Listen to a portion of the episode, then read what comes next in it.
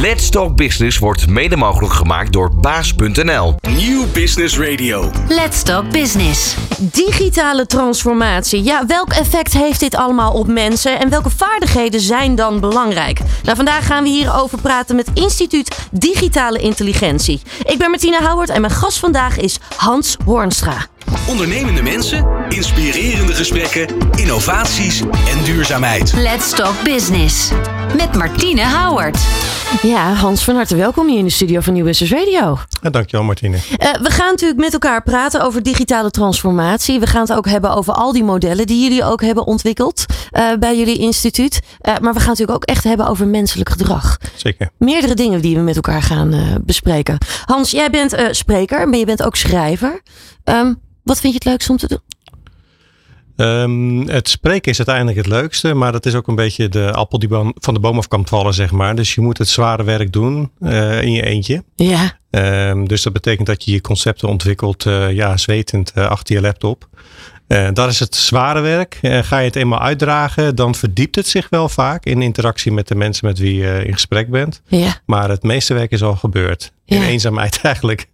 Ja. Ja, ja, eigenlijk wel een mooie combi wat dat betreft. Hè? Dus echt wel in eenzaamheid inderdaad. Je, in je eentje ben je zoiets aan het creëren. En vervolgens sta je wel weer voor grote zalen. Ja, dat klopt. Ja, het is, ik heb gemerkt bij mezelf dat wanneer ik me op bepaalde vraagstukken richt. Ja. En er als het ware ja, doorheen schouw. Uh, en dat, daar hoef je helemaal niet, uh, in mijn geval in ieder geval, voortdurend in de praktijk te zijn. Je hebt, dan gaan die beelden, die trekken aan je geest zo voorbij. En dan ontstaan allerlei inzichten die heel uh, waardevol zijn. Voor, niet alleen voor mijzelf, maar gelukkig ook voor andere mensen. Ja, waar komt die interesse vandaan? Waar komt die passie vandaan bij jou? Dat is denk ik uh, al vrij vroeg in mijn adolescentie eigenlijk aangewakkerd. Toen ik, uh, hè, we hadden net ook een gesprek over persoonlijke groei. En persoonlijke groei is iets wat mij altijd enorm heeft geïntegreerd.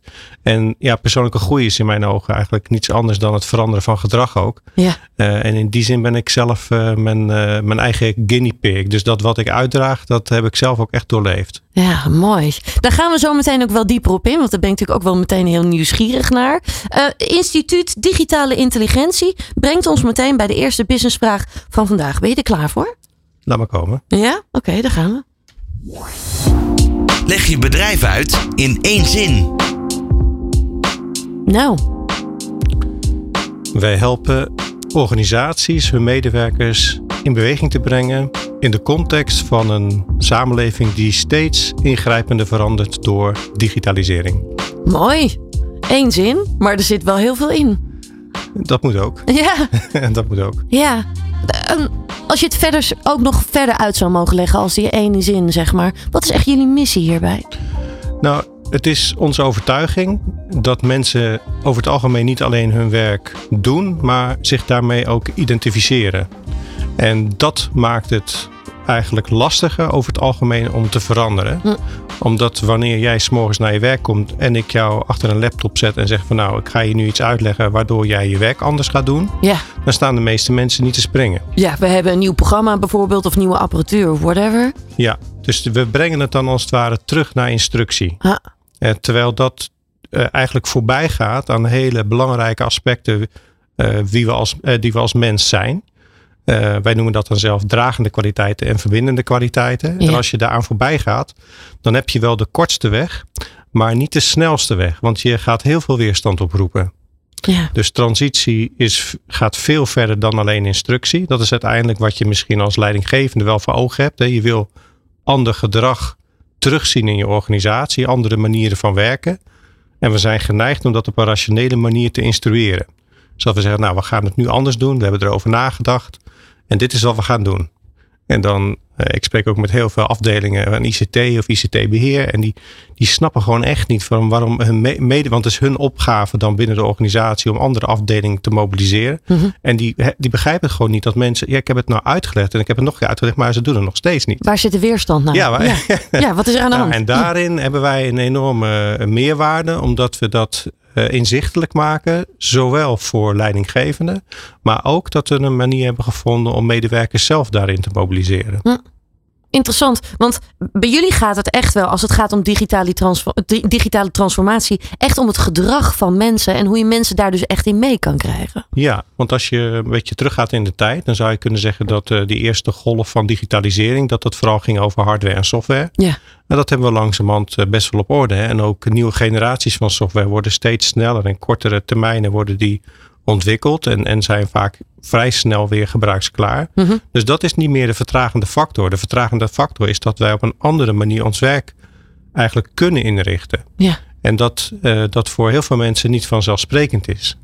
En, uh, ja, en uh, om die opgave dus te adresseren, om organisaties in beweging te brengen en daar dus teams in beweging te brengen, breng je eigenlijk terug tot kritische massa van individuen in beweging brengen. Dus dat betekent dat je op het individueel niveau de juiste snaar moet weten te raken. Ja, helder. Jullie helpen uh, onderwijsorganisaties, overheden, Ja. uh, maar je spreekt ook veel bij bedrijven wat dat betreft. Het is heel divers eigenlijk wel, Ja. jullie helpen. Ja, klopt. We zijn, uh, mijn eigen roots liggen in het uh, onderwijs, zeg maar. En sinds een jaar of 15 ben ik ook heel veel bij overheden betrokken. Dat komt eigenlijk door de samenwerking die ik destijds aan ben gegaan met Wijnand van Rieshout. Met wie ik ook het boekje Ja. Digitale Intelligentie heb geschreven. Um, ja, we werken zelfs nu voor, uh, met enige trots voor uh, landen. Dat wil zeggen, we werken voor het land Aruba. Dus uh, we zijn druk bezig om daar uh, het onderwijs te innoveren. Ook vanuit het gedachtegoed wat we hebben ontwikkeld. Ja, mooi. Een gedachtegoed is juist dat jullie wel echt een, eh, een historisch model eigenlijk creëren. En daar vallen ook allerlei verschillende modellen ook weer onder ook weer. Hè? Ja, Waarom hebben jullie daarvoor gekozen? Ja, dat ontwikkelt zich eigenlijk op het moment dat je het zelf in kaart gaat brengen. Uh, dan merk je dat uh, sommige uh, conclusies zijn eigenlijk soort open deuren conclusies. Dat op het moment dat je het mensen vertelt dat ze denken van ja, dat is maar eigenlijk wel logisch. Ik heb het nooit zo bekeken, maar nu je het zo ziet, dan ja, some things cannot be unseen, zeg maar. Dus soms zijn inzichten zo ingrijpend dat het automatisch al een gedragsverandering of een visieverandering tot gevolg heeft. En dat doet bijvoorbeeld het historisch model. Ja.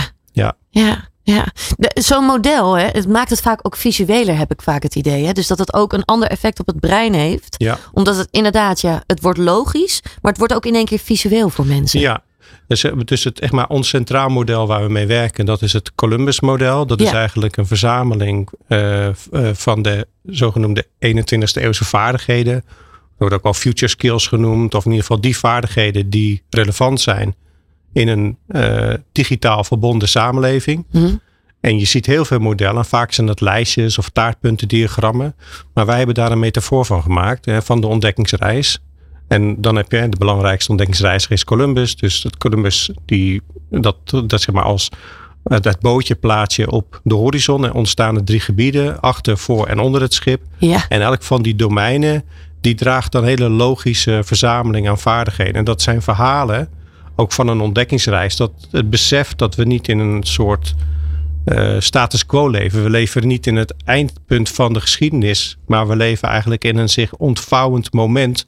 En als we achter, naar achteren kijken, dan is daar inderdaad geschiedenis. Maar er is geen eh, statisch eindpunt waar we in zitten. En dat is wel de manier waarop we het over het algemeen beleven. Dus dat soort verhalen, dat soort metaforen helpen eh, onze klanten en de mensen waar we mee werken om, om het echt op een andere manier te beschouwen. ja. Je, je stipt al die drie eh, elementen ook wel aan, hè? in Dat model. Kun je dat nog even kort aanstippen? We gaan daar straks ook nog wel weer dieper op in. Ja. Maar wat, waar kunnen mensen een beetje aan denken? Nou, eh, het eerste punt heb ik eigenlijk al genoemd. Hè. Dus eh, de- de digitale ontwikkelingen zou je kunnen zien als een gezamenlijke ontdekkingsreis. Ja. Wanneer je het je voorstelt dat je een schip op de horizon hebt, dan zou je kunnen zeggen, en je, je ziet dat als een soort tweedimensionaal plaatje, dan heb je een gebied achter de zeilen, voor het schip en onder de kiel. Ja. En op zee kun je niet schuilen voor de wind. Hè. Die ontwikkelingen, die kracht, die komt op je af. En dat geldt ook in eh, de digitaal verbonden samenleving. Er komen voortdurend nieuwe ontwikkelingen op ons af. Ja, Denk maar bijvoorbeeld aan generatieve AI. Hè. Daar hebben we zometeen allemaal mee te maken. klopt. En om die kracht te kunnen gebruiken, om die aan te kunnen wenden voor je voortstuwing, dat, zijn- dat noemen wij de stuwende vaardigheden. En die zijn verzameld in het domein achter het schip. Hm. Dus dat is het eerste domein. En het, dat doet ook een beroep op het intellect. Dus al die vaardigheden hebben te maken met oorzaak en gevolg. Dat is heel belangrijk om je te realiseren. Dus het doet een beroep op het intellect. Ja. De tweede set vaardigheden, die zijn gegroepeerd in, het, in het, uh, de ruimte voor het schip. Want we hebben heel veel te kiezen. We hebben veel meer te kiezen omdat we meer macht hebben. Dus digitalisering heeft ons meer macht gegeven. Hebben we meer te kiezen. We moeten veel meer afstemmen op elkaar. Ja. En dat is het domein wat wij het domein noemen van wij, uh, van wij en waarom. Mhm. En ook wel de verbindende vaardigheden. Dat doet een beroep op onze verbindingskracht en ook op onze verbeeldingskracht. Ja. Dus je zou kunnen zeggen, dat klopt niet helemaal, maar om het snel uit te leggen, doet vooral een beroep op je emotionele intelligentie. Dus dat is het tweede domein. Dus dat gaat eigenlijk over de relatie tussen jou en anderen en jou en de toekomst. Het, het je kunnen voorstellen van hoe een wereld er ook uit zou kunnen zien. Ja. Dus dat is het tweede domein, een tweede verzameling aan vaardigheden. En dan het derde domein, dat gaat vooral over de relatie van jij met jezelf. Van uh, ervaar jij zelf een uh, gevoel van uh, eigenaarschap. Als het bijvoorbeeld gaat om het uh, ontwikkelen van nieuwe vaardigheden. Of ben jij iemand die veel meer ja, afwachtend is en zegt ja, ik heb die cursus niet aangeboden gekregen. Uh, ben jij wendbaar of ben jij meer, hè, dus vind jij dingen, nieuwe dingen leuk? Of vind je het belangrijker om dat, dat wat er is, om dat te behouden? Ja. En daar zit op zich geen waardeoordeel in, want je hebt beide aspecten heb je nodig. Hè? Dus je hebt in je organisatie ook nodig dat mensen dingen behouden. En als iedereen elke dag iets nieuws wil gaan doen, ja, dan wordt het een enorme chaos. Dus je hebt allebei die krachten nodig. Maar het is wel van belang is dat iedereen zeg maar die vaardigheden ontwikkelt. Mm -hmm. En dat hij ze in kan zetten op het, uh, op het moment uh, dat, hij dat, uh, dat dat nodig is. Dus drie domeinen samenvattend. Achter het schip gaat over technologie. Ja. Voor het schip gaat over richting kiezen, gezamenlijkheid, wij en waarom. En onder het schip gaat het vooral over de intrinsieke relatie die we hebben met onszelf. Mooi, mooie combi. En uh, het grappige is, ik maak hier zelf ook een programma over wat dat betreft, waar dit ook weer behoorlijk in samenkomt. Ik kom graag een keer terug. ja, um, uh, nou wat ik er interessant aan vind, is dat je juist ook dat persoonlijke aspect uh, hier heel erg ook um, nou, in meeneemt, zeg maar. Omdat heel vaak in digitale transformatie hebben we het heel erg over de technieken. Klopt, ja. Daar vergeten we bijna de mens. Ja. Zeg maar. Ja. Terwijl uiteindelijk hebben wij ermee te werken. Zeker, en we moeten het ook doen met de mensen die we hebben. Hè? Dus Ja. laten we zeggen, er is een tekort in de zorg, er is een tekort in het onderwijs. Er zijn tal van, hè, is een tekort in de horeca. Nou, volgens mij is mijn overal een tekort. Ja. Dus het is niet zo dat we kunnen zeggen van nou, we, hè, de, de 40-plussers of de 50-plussers, die eh, kunnen we uitfaseren. En we gaan het met een nieuwe club doen. Maar ja, dat is, we moeten het echt doen met de mensen die we hebben. Ja, zo is het. Dit Columbus-model, dat zetten jullie eigenlijk ook iedere keer weer in. Ook weer. Ja, dat is wel, en dat is ook het model wat je, dat leg je heel makkelijk uit. Hè. Ik heb het nu zelfs uitgebreid gedaan, maar je legt het in drie minuten uit. En het Ja. fijne is dat het verhaal van de metafoor blijft hangen. Mensen die weten ook dat op het moment dat ze het over organisatieontwikkeling hebben, dat het dus eigenlijk multidimensionaal is. Dat je dus meerdere aspecten van de mens zal moeten aanraken om mensen daadwerkelijk in beweging te krijgen. Dus je wilt echt dat je de buitenboordmotor van iedereen aanzet, in plaats van dat je heel de tijd blijft sjorren. Want Ja. dat is echt enorm kostbaar, frustrerend en ja, ook heel erg traag uiteindelijk. Eh, Wordt dat eigenlijk al wel voldoende gedaan, denk je? Juist ook in die transitie die we nu aan het maken zijn. Nou, ik denk Dat van niet. aspect. Ja, ik denk het niet. Want het is, eh, het is ook een beetje een taboe. Eh, dat merk ik ook wel. Het is best wel een dunne eh, lijn waar je je op begeeft. Omdat als je het hebt over professionaliseren, dat is ook vaak het woord. Dan denk je van, ho, maar ik, we gaan het niet over mij hebben. Het gaat, het gaat over onze professionele context. Ja, ja, ja. We wij- gaan het niet te persoonlijk maken. Nee, we gaan niet psychologiseren, Nee. zeg maar. Dus, en waar wij het dan vaak ook over hebben, dat zijn, we hebben het over grondhouding in werk. Hm. Dus niet zozeer van jij bent rood of groen of blauw of geel of whatever. Hè, waarbij je in, in een zeker, eh, hè, dat kan best wel inzichtelijk zijn, maar als transitiemodel minder eh, effectief. Het is veel fijner als je weet van nou, je hebt een bepaald, eh, bepaalde grondhouding in je werk. Daar kunnen we het zo meteen nog over hebben. Ja, En je, dat, daar schuilen kwaliteiten in en uitdagingen. En we gaan je uitnodigen om soms het over een andere boeg te gooien. Zodat je eigenlijk veel meer besturingskracht krijgt. Vanuit welke houding je bepaalde activiteiten gaat ondernemen. In plaats van dat we zeg maar altijd vanuit onze thuishaven op dezelfde manier blijven opereren. ja, ja. Die gaan we uiteraard zo meteen ook verder op in. Eh, we gaan ook onder andere bespreken hè, het, het model van de vier zeeën. Ja, dat sluit hier heel erg mee aan. Dat Ja. sluit daar heel erg mooi bij aan. Eh, maar natuurlijk ook wel kunstmatige intelligentie. Hè? AI, daar gaan we natuurlijk ook verder op inzoomen. Maar we gaan zo meteen ook eventjes terug de tijd in. Om echt jullie als bedrijf, maar ook jou persoonlijk beter te leren kennen. Hier bij Let's Talk Business. Van hippe start-up tot ijzersterke multinational. Iedereen praat mee. Dit is New Business Radio. Ja, je luistert nog steeds naar Let's Talk Business. We zitten hier met uh, Hanse Horenstra van Instituut Digitale Intelligentie. Um, Hans, we hebben eigenlijk zojuist al wel het model aangestipt. Hè? Er zijn meerdere modellen die we vandaag ook nog met elkaar gaan bespreken. Maar we praten natuurlijk over digitale transformatie en die hele transitie. En met name wat dat met mensen doet en hoe je mensen daar ook in mee kunt krijgen. Um, als we toch nog eventjes terug de tijd ingaan. Hè? Um, als klein jongetje. Waar, was, waar lag toen echt je meeste interesse? Op het voetbalveld, denk ik. Ja? ja, ja, was gewoon, ik zal zo heel veel uh, jonge kinderen in Nederland van uh, voetballen. Heel veel voetballen. Maar was je al wel ergens bezig met hoe mensen zich gedragen? Dat soort nee, dat is eigenlijk uh, wel vrij abrupt gebeurd toen ik een jaar of 16 was. Toen um, um, een hele ja, goede vriend, eigenlijk mijn beste vriend. Ja. Die, uh, toen raakten we wel wat meer geïnteresseerd in uh, spiritualiteit. Oké. Okay. En dat was eigenlijk destijds, en dat is dus zeg maar begin jaren tachtig. Ja. Uh, dat was heel um, exotisch nog.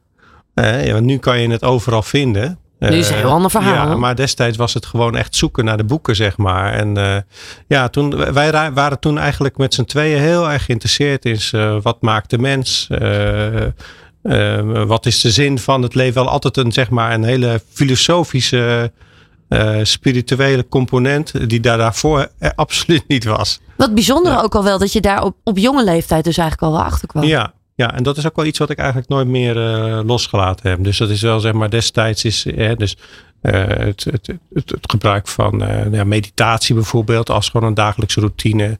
het beschouwelijke, dat is iets wat, wat eigenlijk wel een tweede natuur geworden is. Hm. Maar ik moet wel zeggen dat het heeft best wel lang geduurd voordat het uiteindelijk mijn eigen, laten we zeggen, core business is geworden. Waardoor je daar ook je, ja, nu is het meer zo dat het geld wat ik verdien als ondernemer, dat verdien ik steeds meer door wat ik ben dan door wat ik doe. Ja. En, uh, ook dit gesprek bijvoorbeeld, denk ja, moet ik dit helemaal al voorbereiden? Nee, er ligt zoveel inmiddels dat je kunt mij gewoon een vraag stellen en daar komt vast wel een goed antwoord of in ieder geval iets wat, uh, ja, wat erbij hoort uh, uit. Ja, je bent het al.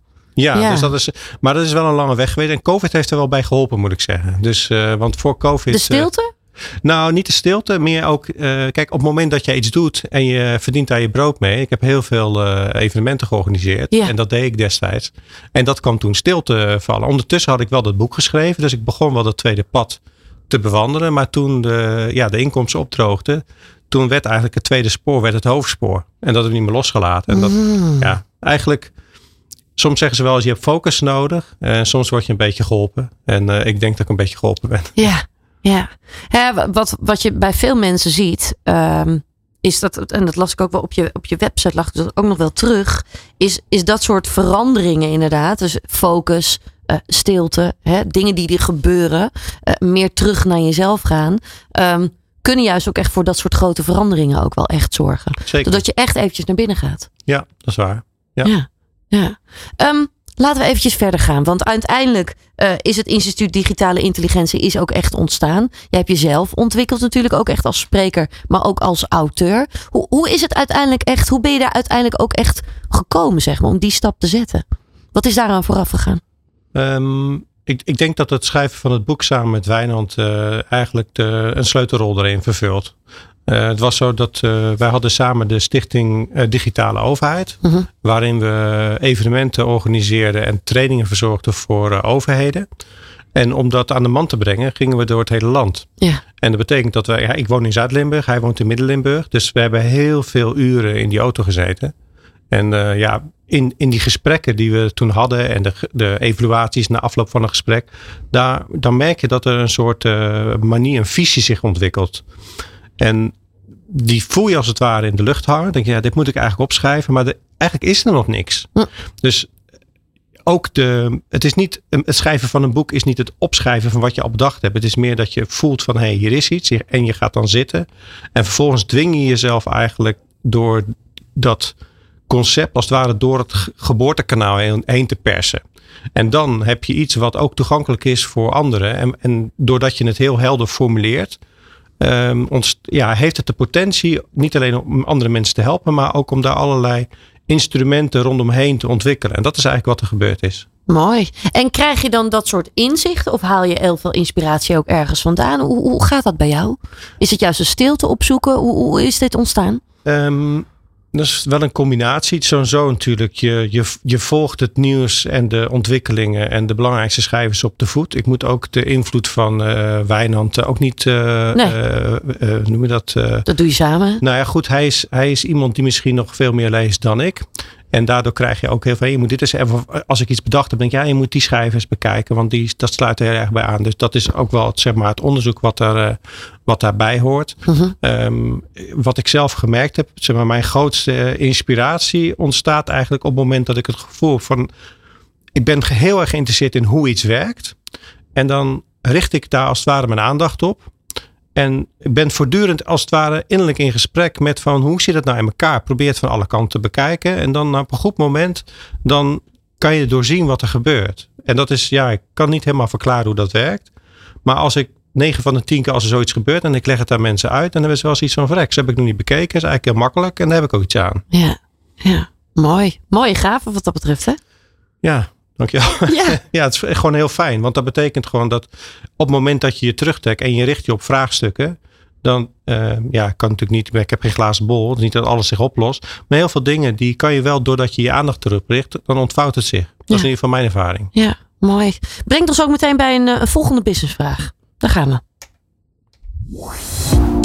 Waar krijg je kippenvel van?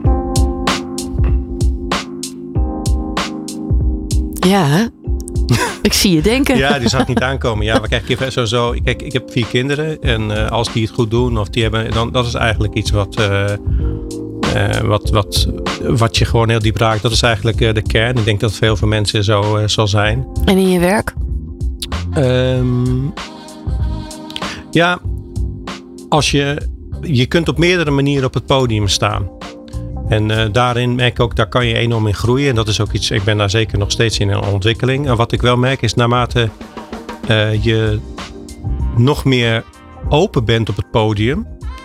Dus je, laat eigenlijk, je deelt eigenlijk je binnenwereld als je op het podium bent. En dat is best eng, want Ja. je stelt jezelf eigenlijk open. Ja, Maar op het moment dat je daar uh, ontspannen in kan blijven, dat is dan voor de mensen die in de zaal zitten heel prettig. kun je een voorbeeld geven? Uh, ja, ik was uh, toevallig vorige week was ik uh, voor een school uitgenodigd om daar een praatje te houden over kunstmatige intelligentie. En er zaten 150 ouders in de zaal. En het was s'avonds, dus ik, ik maakte me wel een beetje zorgen. Ik denk, die mensen hebben al best wel een lange dag natuurlijk. En ik zelf ook. En dat begon dan rond een uur of zeven, denk ik. -huh. En ik merkte dat ik werd daar niet moe van. En die mensen waren ook gewoon super enthousiast na afloop. En dan is er een soort samenspel van die mensen die zitten daar echt omdat ze dat zelf willen. En die zijn geïnteresseerd, want het gaat natuurlijk ook om hun kind. Ja. En die, die hangen wij spreken aan je lippen. Maar het was ook een combinatie dat ik nou net zeg maar die innerlijke houding had. Waardoor, ja, zodat je ze eigenlijk toelaat in hoe jij de dingen ziet. Dus dat je zelf wordt, je, ga je als het ware open.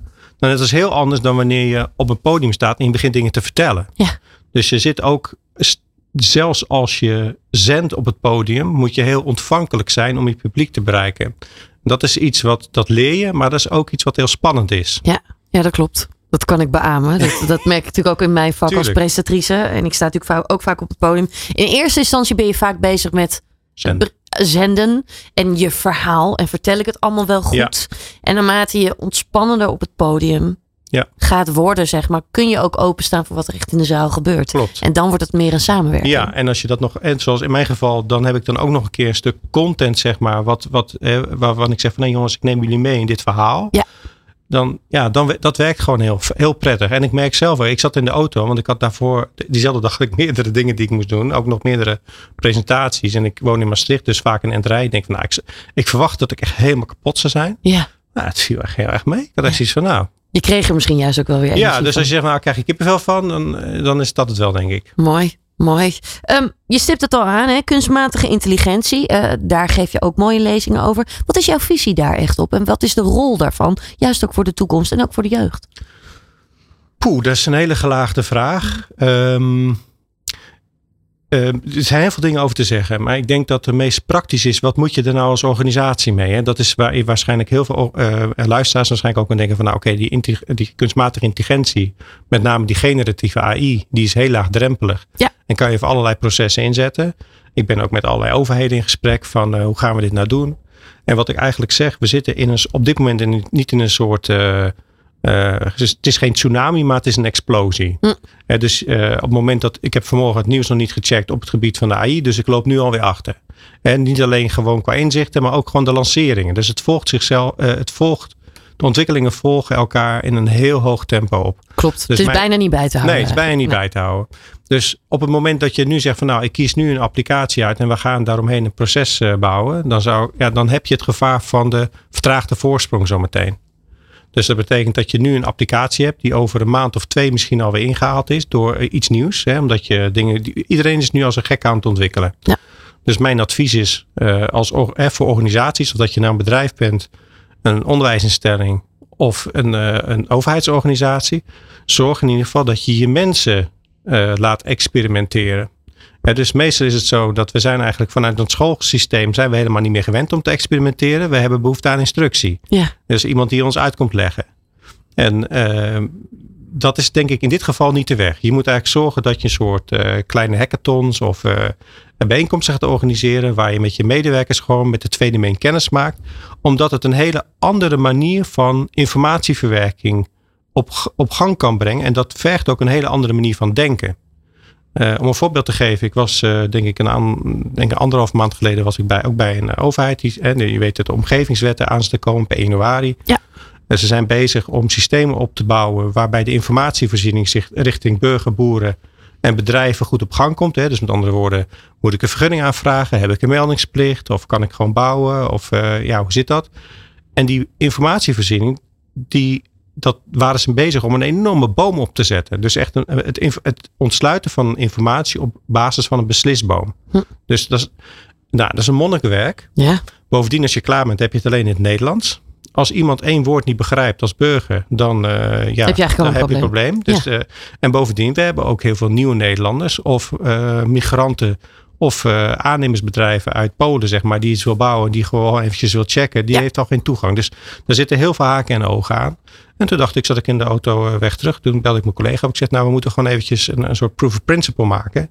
En daar waar zij gewoon al letterlijk gewoon jaren bezig waren om, dit, uh, om die beslisboom te maken, hadden we echt in nog geen uur tijd, hadden we gewoon een prima model waar je eigenlijk in gesprek kon gaan met de omgevingswet. En er zitten allerlei haken en ogen aan. En je, je kunt het zeker nog allemaal verbeteren. Maar het, het idee dat je informatie kunt ontsluiten door vragen te stellen. Dat is wel zo'n fundamenteel andere manier van denken over omgaan met informatie dan dat we gewend zijn. Klopt. Dat ik zou zeggen, zorg dat je daar nu of vanaf vandaag al met je medewerkers aan de slag gaat. Gewoon omdat je die hele. Omdat de mensen zijn zo meteen de vertragende factor. Ja. En niet zomaar in die technologie. Dus stap je te vroeg op de boot nu en ga je dingen inrichten. En uh, over twee, drie maanden, want die, al die grote partijen vallen over elkaar heen met hun uh, applicaties. Ik zou wachten van nou, ga zorgen dat je mensen toegerust zijn. Er komen vast hele gave ideeën uit. Mm -hmm. En dan ga je gewoon vervolgens over uh, een maand of vijf, zes. Dan ga je eens beginnen met een soort uh, kleine pilots. En dan langzamerhand verwacht ik ook dat de stof een beetje is gaan dalen. En dat de grote partijen met uh, maar ook out of the box oplossingen gaan komen waar je mee, mee aan de slag kan. Ja. Ja, stemchat.nl, uh, uh, dat is ook een mooi platform wat dat betreft. Ja, Kun je klopt. daar wat meer over vertellen? Nou, dus we hadden uh, die omgevingswet DQ gemaakt. Ja. En ik ben een fanatieke zwemmer. En dan, dus ik zwem echt behoorlijk wat kilometers. Dus, en vaak ja, dan dwalen je gedachten ook een beetje af. En toen, het is ook eigenlijk een soort, uh, soort meditatie ja, bijna. Zeker hè? weten. Ja. ja. Dus fijn, ik ben aan het zwemmen. En op een gegeven moment denk ik van ja, binnenkort kunnen de verkiezingen. En op een gegeven moment toen dacht ik van wat de fuck. We is gewoon eigenlijk we weer gewoon in gesprek gaan met de verkiezingsprogramma's. Want wie gaat er 26 verkiezingsprogramma's lezen? Ja, klopt. Dat gebeurt niet meer. Nee, dat nee. doet niemand. En sterker nog, we gaan nog geen tien lezen. Je leest, leest er misschien één of ja. je scant er één. Ja, veel mensen gaan natuurlijk wel naar de stemwijzer, zeg ja. maar. Ja. ja, die stemwijzer is eigenlijk weer een moderne beslisboom. Hè? Dus met andere woorden, je, je, je gaat een lineair proces in en dan krijg je gewoon een uitkomst. En ik weet niet of je het wel schat hebt, dat je dan denkt van ja, maar op die partij ga ik niet stemmen. En dan zou je eigenlijk wel een, een gesprek aan willen gaan.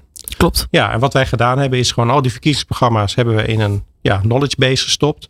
Daar hebben we een neuraal netwerk op getraind. En dat is stemchat.nl geworden. Daar kan je mee in dialoog. En dan kan je gewoon zeggen van nou, ik, uh, Eh, hè, mijn dochter is bijvoorbeeld uh, de pechgeneratie. En welke partij neemt het op voor de pechgeneratie? Nou, dan krijg je een tabelletje en dan zie je die standpunten. Wordt ook verwezen naar het partijprogramma, dus je kunt het ook nalezen. Eigenlijk echt serieus super simpel om te maken. Maar je moet maar op het idee komen. Dat en is die, het. Ja, en die andere manier van denken, die wil je eigenlijk bij je medewerkers nu al in gang zetten. Ja. Ja. ja, interessant hè. Want eigenlijk kan je dit model dus overal dan ook weer op toepassen. Op Zoals je dat bijvoorbeeld dan ook weer net bij de overheid al aanstipte, zeg maar. Maar ook weer in dit. En dat geldt eigenlijk overal. Maar Ja. het is met name die andere manier van denken. Zeker, ja. Dat is wel echt de kern eh, van dit verhaal. We gaan zo meteen, eh, gaan we ook nog het andere model gaan we verder met elkaar bespreken. Dat doen we in het derde deel hier van Let's Talk Business. Van hippe start-up tot ijzersterke multinational. Iedereen praat mee. Dit is New Business Radio. Je luistert nog steeds naar Let's Talk Business. We zitten hier met eh, Hans eh, Horenstra. Hans, we hebben natuurlijk eigenlijk al heel veel dingen met elkaar besproken. Eh, maar laten we nog weer eventjes verder gaan op eh, de modellen die jullie ook echt hebben gecreëerd. We hebben natuurlijk al het model van Columbus. Heb je, hebben we eigenlijk al wel echt besproken. Dat heb je al best wel uitgebreid ook eh, uitgelicht. Eh, wat we nog niet hebben uitgelicht zijn wel echt het model van de vier zeeën. Ja, Hoe moet ik dat echt voor me zien? Want dat is eigenlijk een verlengstuk ook wel van het model van Columbus. Hè? ja. Kan ik het zo zien? Zeker. Het Ja. is zo dat eh, toen het boek werd geschreven in 2019, toen, eh, dan word je natuurlijk uitgenodigd om praatjes te houden. En eh, aan het einde van een van de eerste spreekbeurten die ik gaf, toen stond er iemand op aan het einde achter in de zaal. En die zei naar meneer Hoornstra, u hoeft mij niet meer te overtuigen. U heeft nog een kwartier. Leg me uit hoe we dit doen. Hm. En eh, ja, daar had ik niet echt op gerekend. Lekker concreet. Huppatee. nou ja, je bent heel blij als je al mensen kunt overtuigen van eh, waarom het überhaupt van belang is en wat het dan is. Ja. En dan vervolgens vraagt iemand hoe. Is natuurlijk gewoon een hele relevante vraag. Ja. Eh, en ik heb me daar een beetje uh, ja, uitgeïmproviseerd met een grapje. Maar die vraag, die, die stond wel op de kaart op dat moment. En Heb je aan het denken gezet? Ja. En uh, toen in eerste instantie dacht ik van nou, we moeten gewoon uh, een meetinstrument hebben. Dat hebben we ook. Dus je kunt uh, een vragenlijst invullen. Dat heet het Columbus Kompas. Ja. dat duurt een kwartiertje. En dan krijg je eigenlijk feedback over hoe het gesteld is met jouw 21ste eeuwse vaardigheden. Uh, Jullie hebben ook een spel, hè, heb ik begrepen. Ja, we hebben ook een spel. is eigenlijk de verwerking van het model van de 4C. Maar dat, okay, daar kom ik okay, zo meteen okay. wel op. Dus het eerste is eigenlijk toetsing van mm-hmm. hoe zit het eigenlijk, hoe is het gesteld met, jou, uh, met jouw vaardigheden. Nou, dan zag ik dat en dat, dat bracht uh, ja, dat, dan geeft eigenlijk elke taartpunt geeft aan in welke mate jouw vaardigheid is ontwikkeld. En toen dacht ik bij mezelf, nou weet ik eigenlijk nog niks. Nee.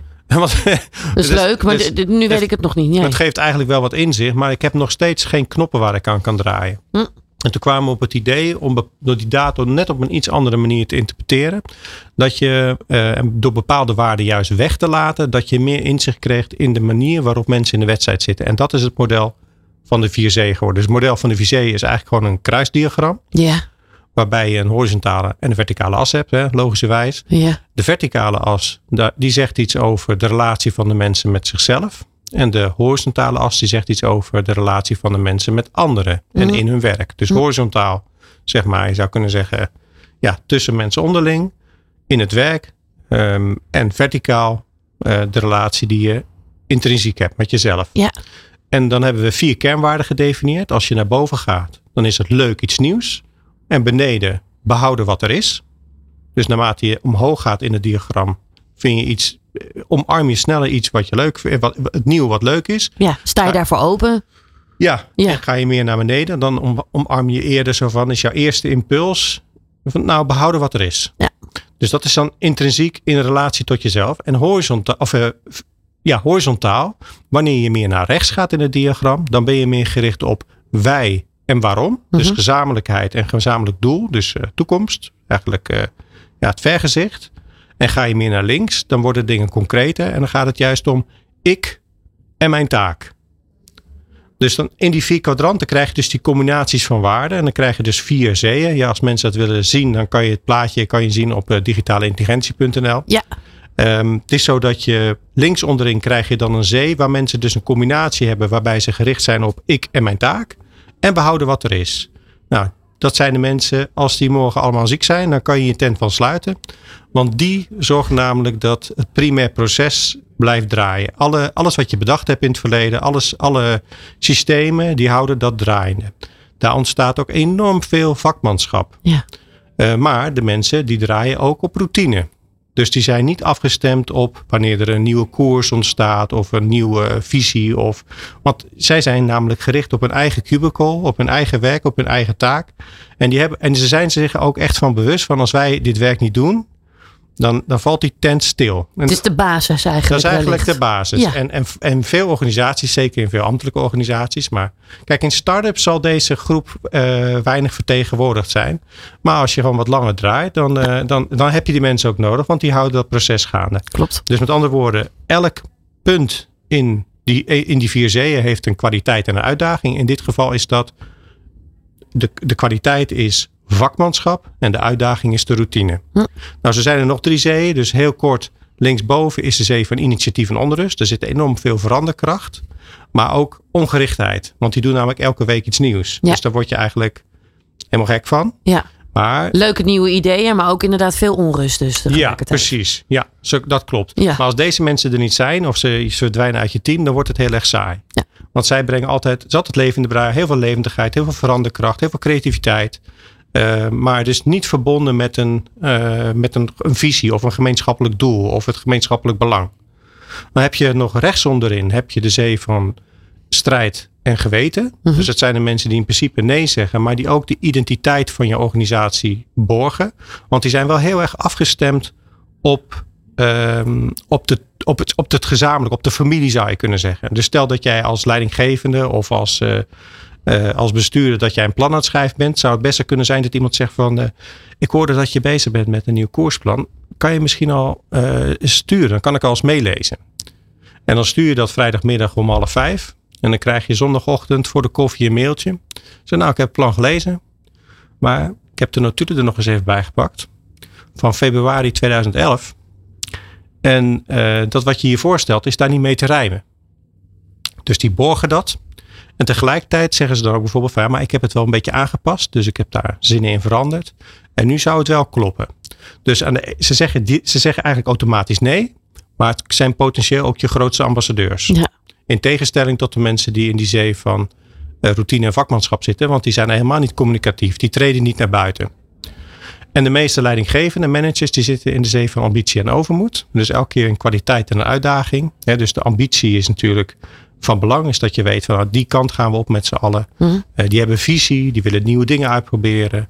Eh, die zijn gericht op de toekomst. Op het, op het gemeenschappelijke van de organisatie. Maar ja, eh, soms ook als een Icarus.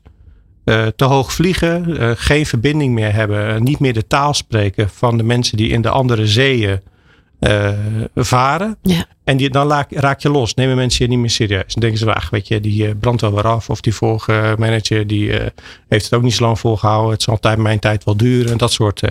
Dus het is eigenlijk een model wat je dus kan plotten op je organisatie. Dus de mensen kunnen het invullen. Dan, dan krijg je een individuele uitslag. Maar je kunt dus ook de distributie zien. Dat heel inzichtelijk, want dan kan je zien, kun je teams vergelijken bijvoorbeeld. Eh, en het geeft ook handvatten om de juiste taal te gebruiken, om de juiste interventie of begeleiding of coaching te doen. Hm. Dus om een voorbeeld te geven, we hebben het ook een keer met een eh, school gedaan waarbij een jonge lerares zich echt buiten het team voelde. Ja. En wat bleek nou? Het hele team zat links onderin in vak, ro- routine en vakmanschap en zij zat een initiatief en onrust. Ja. En er zijn er meerdere manieren om iemand dan daarin te coachen. En in dit geval had de bestuurder gezegd van nou, ik zou willen dat jij je plannen gewoon eens uit gaat dragen. En dat je ze concreter gaat maken. Dus in de interventie ga je iemand dan naar rechts sturen eigenlijk of begeleiden. En die, in plaats van dat die verloren is gegaan voor het onderwijs, want ze stond echt op het punt om uit te vallen, is hij nu adjunct-directeur van een school geworden. Mooi. Dus het geeft je handvatten voor taal en inzicht. En het is ook heel fijn dat ehm, er geen, het is geen afrekenmodel. Dus het is niet van iedereen moet naar een bepaalde positie. Vanuit de filosofie is het zo, eh, die we aanhangen, is dat we mensen bewust maken waar ze hun anker uitgeworpen hebben. In welke zee, met welke grondhouding doe je je werk. Dus je bent ook niet een bepaalde kleur, maar je hebt, je hebt een bepaalde grondhouding omarmd. En ben je bereid om het anker op te halen en misschien af en toe een klein beetje een rondje te varen? Ja. Dus geen persoonlijke revoluties, maar wel kleine bewegingen. En wanneer je dus dan wat kritische massa gaat krijgen, ja, dan ga je een enorme transitie doormaken als organisatie. Ik heb altijd het idee dat dit vaak onderschat wordt eigenlijk. Hè? Juist die kleine bewegingen, die kunnen heel erg het verschil maken bij mensen. Ja, en, het opmerkelijke is dat mensen dat vaak zelf ook niet doorhebben. Nee. Want ik doe dat ook wel heel veel met teams de laatste tijd.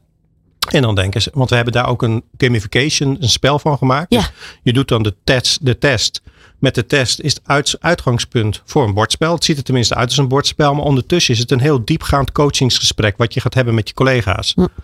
En dan, dan denken ze bij zichzelf, ja, we zijn toch bezig met digitalisering. Het gaat ineens over hoe ik, eh, of ik mijn werk mee naar huis neem of niet. Dus je gaat eigenlijk dat domein onder het schip, onder de kiel, daar ga je iets voorzichtig in beweging brengen. Nooit dwingen. Ook zelf mensen bepalen de richting en de diepgang daarin.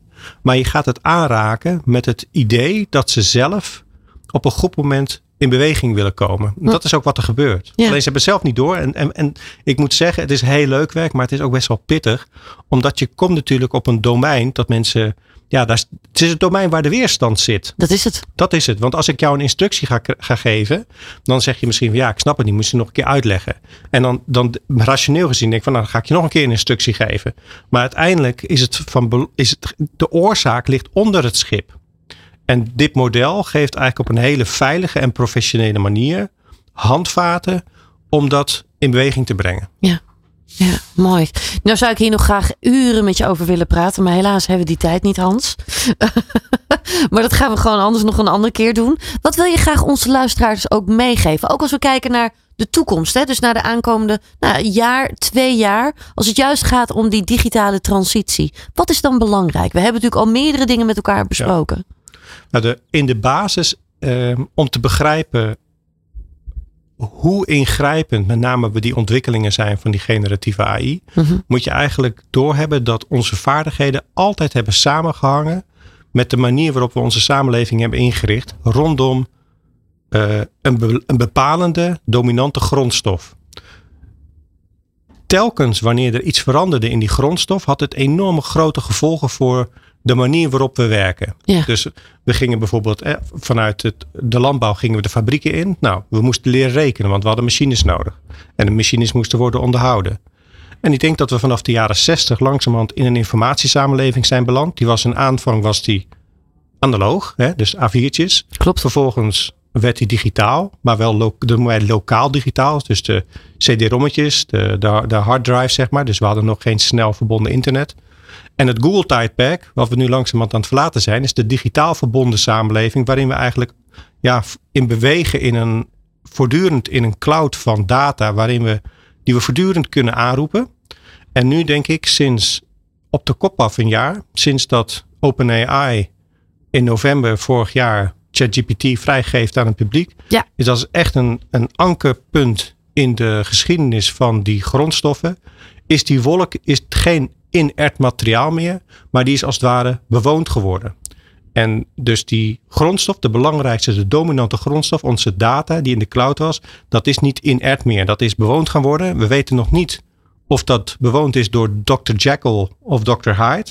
Maar ik denk zelf dat we daarin een belangrijke rol gaan spelen. Ja. Ja, we staan eigenlijk op een heel nou ja, historisch cruciaal punt. Misschien ook wel. Zo kun je het eigenlijk wel zien. Ja, zeker. Ik denk dat heel veel mensen die eh, vergelijken die uitvinding van die generatieve AI, of in ieder geval de, de lancering daarvan met het, een soort iPhone-moment. Ja, Ik zelf eh, vergelijk het liever met de uitvinding van de boekdrukkunst. Het is echt heel fundamenteel. ja, ja.